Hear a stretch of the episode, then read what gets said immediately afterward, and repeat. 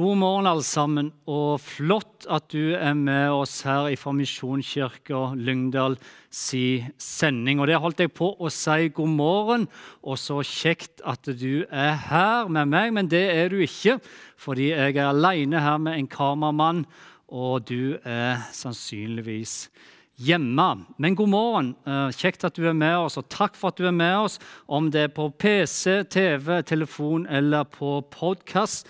Takk for at du er med. Så håper jeg at du opplever at de minuttene vi har i sammen her, blir nyttige og gode for deg. For i dag så skal vi snakke om hvem vi er, om vår identitet.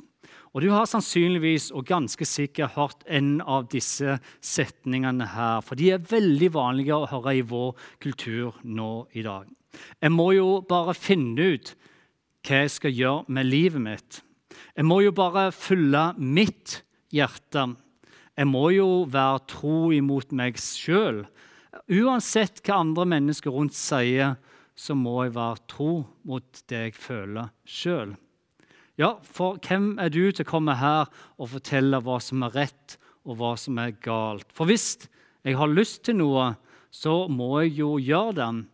Og hvis det er lov, så bør jeg i hvert fall gjøre det hvis det føles rett. Og det er under sånne setninger som dette og mange andre lik de en nesten hører denne kulturens søken og lengsel og jakt etter å finne ut hvem er jeg For hvem er du og meg egentlig? Og spørsmålet vi stiller i dag, er dette. For er det slik at vi finner vår identitet med bare søkere inn i oss sjøl? Eller er det slik at vi faktisk trenger en annen stemme som kan rettlede oss og vise oss hvem vi virkelig er? Slik at vi finner vår sanne identitet. For hvem er vi egentlig? Hvem er jeg? Og hvem er du egentlig? Tingen er den at eh, vi alle formes av oppveksten vår. Vi har alle hatt personer og hendelser i livet som har påvirket oss og gjort oss til den vi er i dag. Det har formet oss, disse opplevelsene, disse oppfatningene, tankene og bildene har formet oss til å bli den vi er i dag. Om det er foreldre, om det var i barnehagen, etter hvert skole, lærere, ledere, voksenpersoner, familie eller venner, så skaptes et bilde inni oss, et selvbilde som igjen former hvem vi tror vi er nå i dag. Det kan være gode og positive hendelser, men også negative bilder og hendelser. Ja, Det kan være informasjon som løfter oss opp, men det kan også være informasjon og ord som bryter oss ned. For det skjer dessverre også. Ord som ikke nødvendigvis er sanne, men som allikevel skaper noe i oss når det blir sagt. Ord som 'du er håpløs'. Det blir aldri noe av deg. Du har ingen verdi. Og Vi møter dem blant venner, vi møter dem i media, vi møter dem på meldinger som barn, som tenåringer og som voksne. Ord som ikke er sanne, men som skaper et mindreverdighetskompleks som vi må bære med oss i livet. Harde ord, krenkende ord, stikkende ord i melding og på nettet. Og faren med slike ord og slike opplevelser og erfaringer er at det gjør noe med oss som mennesker. Det gjør noe med oss, slik at vår sanne identitet, det vi er meint til å være, faktisk ikke får lov til å vokse til det det var meint til å være. For det påvirker vår selvfølelse, noe som igjen påvirker hvordan en oppfatter seg sjøl, vårt eget selvbilde. Og da er det jo veldig, veldig vanskelig å finne seg sjøl. For tankeløs tale, altså giftige ord, livsfarlige baktalelser. Hva gjør det med oss mennesker? Jo, tankeløs tale, det stikker som sverd. Det er ord som stikker som sverd, og det har potensial i seg til å skade og ødelegge oss mennesker. Mens det motsatte av å være tankeløs og komme med stikkende ord, er vise menn som har legetom på tunga si. Så ordene hører, eller ordene leser, påvirker og gjør noe med vår selvfølelse. Det er slik det er. Videre står det ei legende tunge. Hva gjør den? Jo, ei lekende tunge er som et livets tre, mens ei falsk tunge, hva gjør den? Jo, den knuser livsmotet. Den sårer hjertene våre. For er jeg stygg, eller er jeg pen? Er jeg god nok slik jeg er, eller er jeg en fallitt? Er jeg populær, eller er jeg upopulær nå? Er jeg ønska, eller er jeg uønska? Når jeg står for noe, blir jeg godkjent eller ikke. Som barn, som venn eller som den jeg er.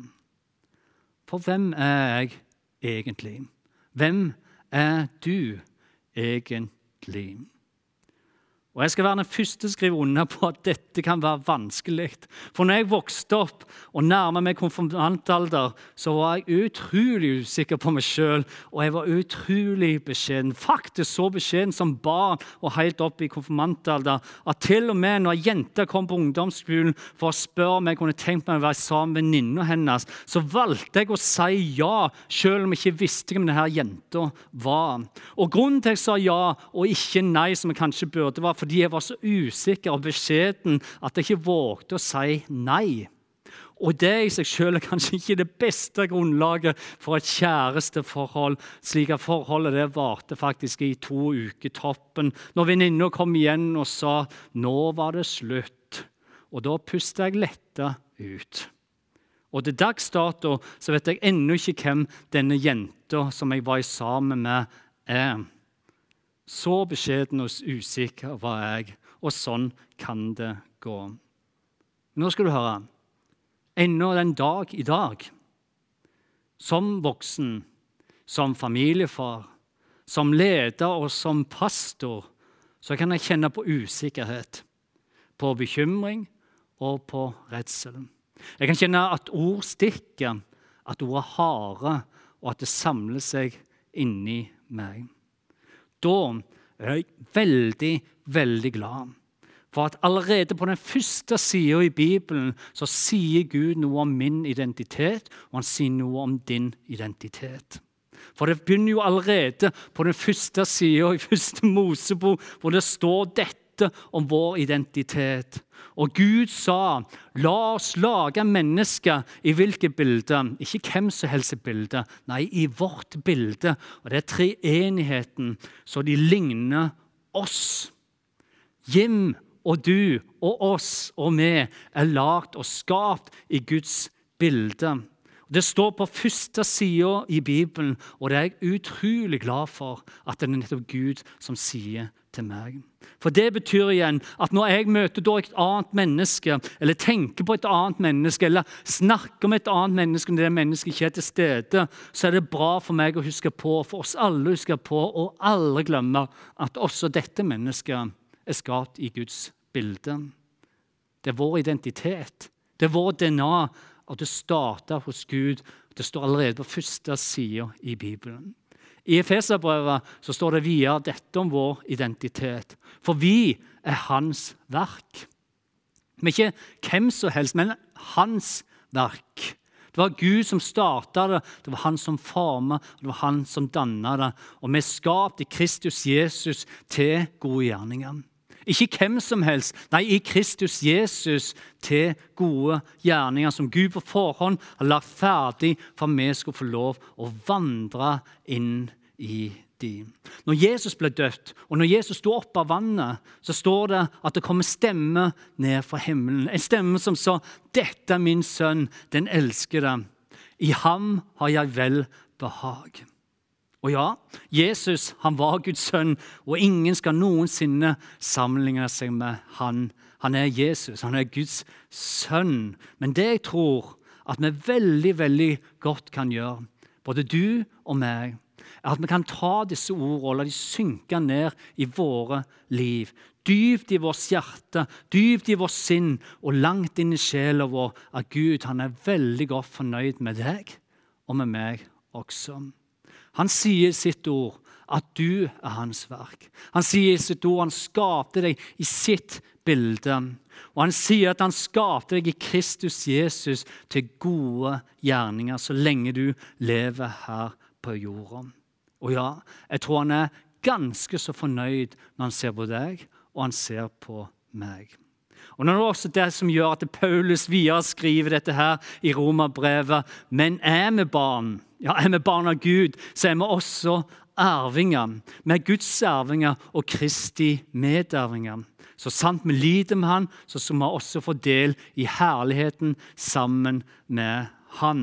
Og Det han sier her, er dette at om du er barn, eller om du er tenning, og om du er ungdom, voksen, eller eldre, så må du huske på at uansett hva alle andre sier om deg, uansett hva anklageren eller andre mennesker sier om deg, uansett hva de tenker om deg, så er den viktigste stemmen du kan lytte til og følge nettopp Guds stemme.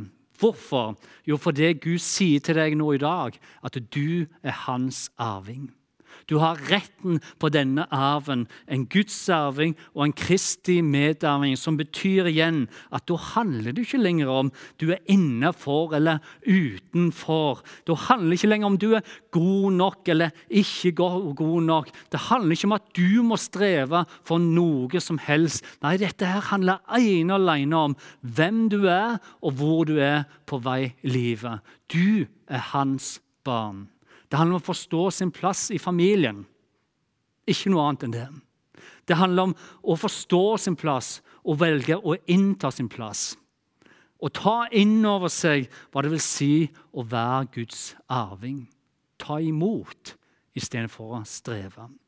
Her for en stund siden, og på en av mine reiser til USA, så idet jeg kom om bord i flyet og skulle finne setet mitt og kom fram til plassen min, som var sete nummer 54B, så av en eller annen grunn så satt en annen kar der i sete 54B.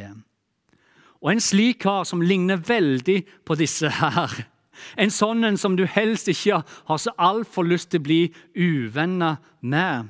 Men hva gjør du når du sier til han at han sitter på din plass? Hva gjør du når han da bare ser dumt på deg, peker videre og sier 'finn en annen plass'? Ja, hva gjør du da? Jo, da kan du nummer én rope på flyvertinna. Eller du kan nummer to si at du er veldig god i karate. Eller du kan nummer tre spørre hvor han sitter, og gå og sette deg der. Nå må du høre godt etter. Hvor mange ganger har ikke jeg hørt andre kristne si. Jeg passer ikke inn. Jeg finner ikke plassen min. Jeg er nok ikke god nok. Jeg er ikke fin nok. Ingen liker meg. Jeg føler meg ikke hjemme. Jeg har ikke det som skal til. Og ingen bryr seg i grunnen om meg. Og ja, noen ganger så er det dessverre slik at vi som fellesskap og som menighet ikke strakk helt til. Ikke gjorde det som vi burde ha gjort. Ikke var det inkluderende fellesskapet som vi drømmer om å kunne være. Men altfor ofte så er jeg redd for at vi lar en annen stemme, eller det noen andre en gang sa eller gjorde, som sårer oss for å ta plassen vår. Slik at vi går for plassen vår i fellesskapet, Gå for plassen vår i tjenesten. Gå for plassen vår som Gud har satt der. Gå for plassen vår kanskje som Guds barn. Og miste vår identitet. I Emil fra Lønneberg, som har skrevet Astrid Lindgren, så blir vi kjent med denne her Emil, denne gutten som er både høyt og han er lavt. Han er liksom overalt. For det var ikke sjelden at vi hørte faren rope 'Emil, din rakkerunge'. Og Grunnen til dette er jo han fant på noe nytt hele tida, som igjen gjorde at han måtte ta sin straff. og Han ble sittende i snekkerbordet sitt og snekre. Men midt inni alt dette her som han fant på, så var det en relasjon som var veldig annerledes enn alle de andre. Og det var Emils relasjon til Alfred. Fordi Alfred han hadde alltid tid. Alfred han valgte å sette seg ned, og Alfred valgte å lytte. Han valgte å lytte og lytte.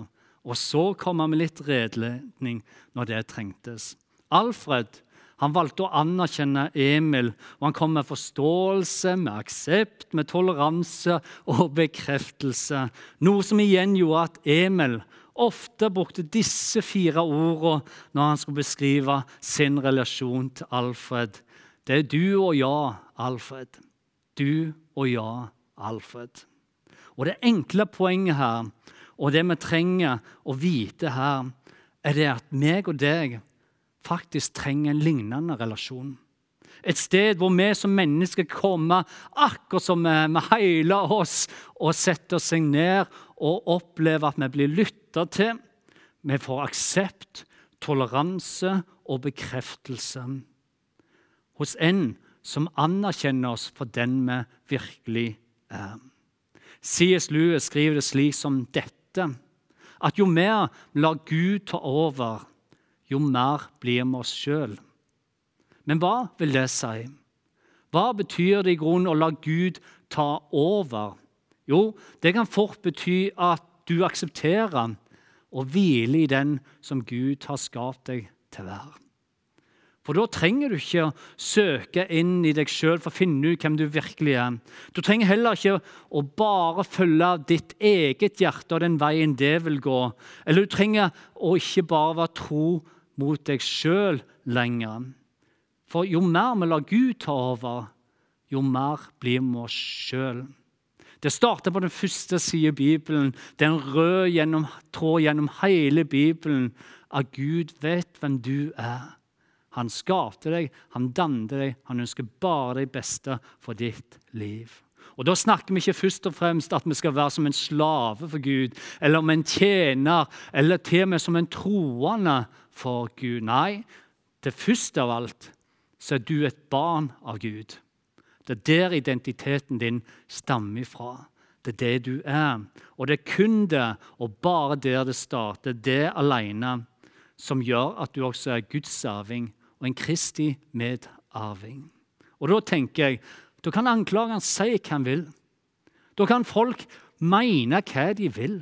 De kan komme med anklager, og de kan skrive hva de vil. For så lenge som du vet, og så lenge jeg vet at vi er hans barn, så handler ikke grunnen så mye hvor vi kommer fra, eller hva vi har gjort lenger. Nei, da handler det ene og alene om hvem vi tilhører, om hvem som er vår far, hvem vi sitter ned med, og hvem som sitter og lytter til våre liv. En god pappa, en god far, som ønsker bare de beste for ditt liv. Der starter vår identitet. Der får vår identitet vokse sammen med Han. Gud som er en god far, som elsker deg, og som ga seg sjøl for deg. Skal vi be sammen helt til slutt. Takk, å Gud, for dine store og gode løfter i ditt ord. Takk for at du har lova at vi ikke skal være alene, men har med deg hver eneste dag. Du er ved vår side både dag og natt. Ja, takk for at det er du og meg og vi sammen som skal finne ut hvem vi er. Takk for at det er ditt ord som sier at alle de som tok imot deg, ga du rett til å bli Guds barn. Det er ditt løfte, det er dine ord. Og ved det så får vi retten og vår arv ifra deg. Takk for at vi alle kan få lov til å senke skuldrene og hvile hos deg. For takk for at du hører våre bønner og ser våre tanker i denne spesielle tida vi er inne i nå som kan være så utfordrende, så ber vi om styrke. Så ber vi spesielt for den som trenger det nå, Herre. I Jesu navn vi ber. Amen.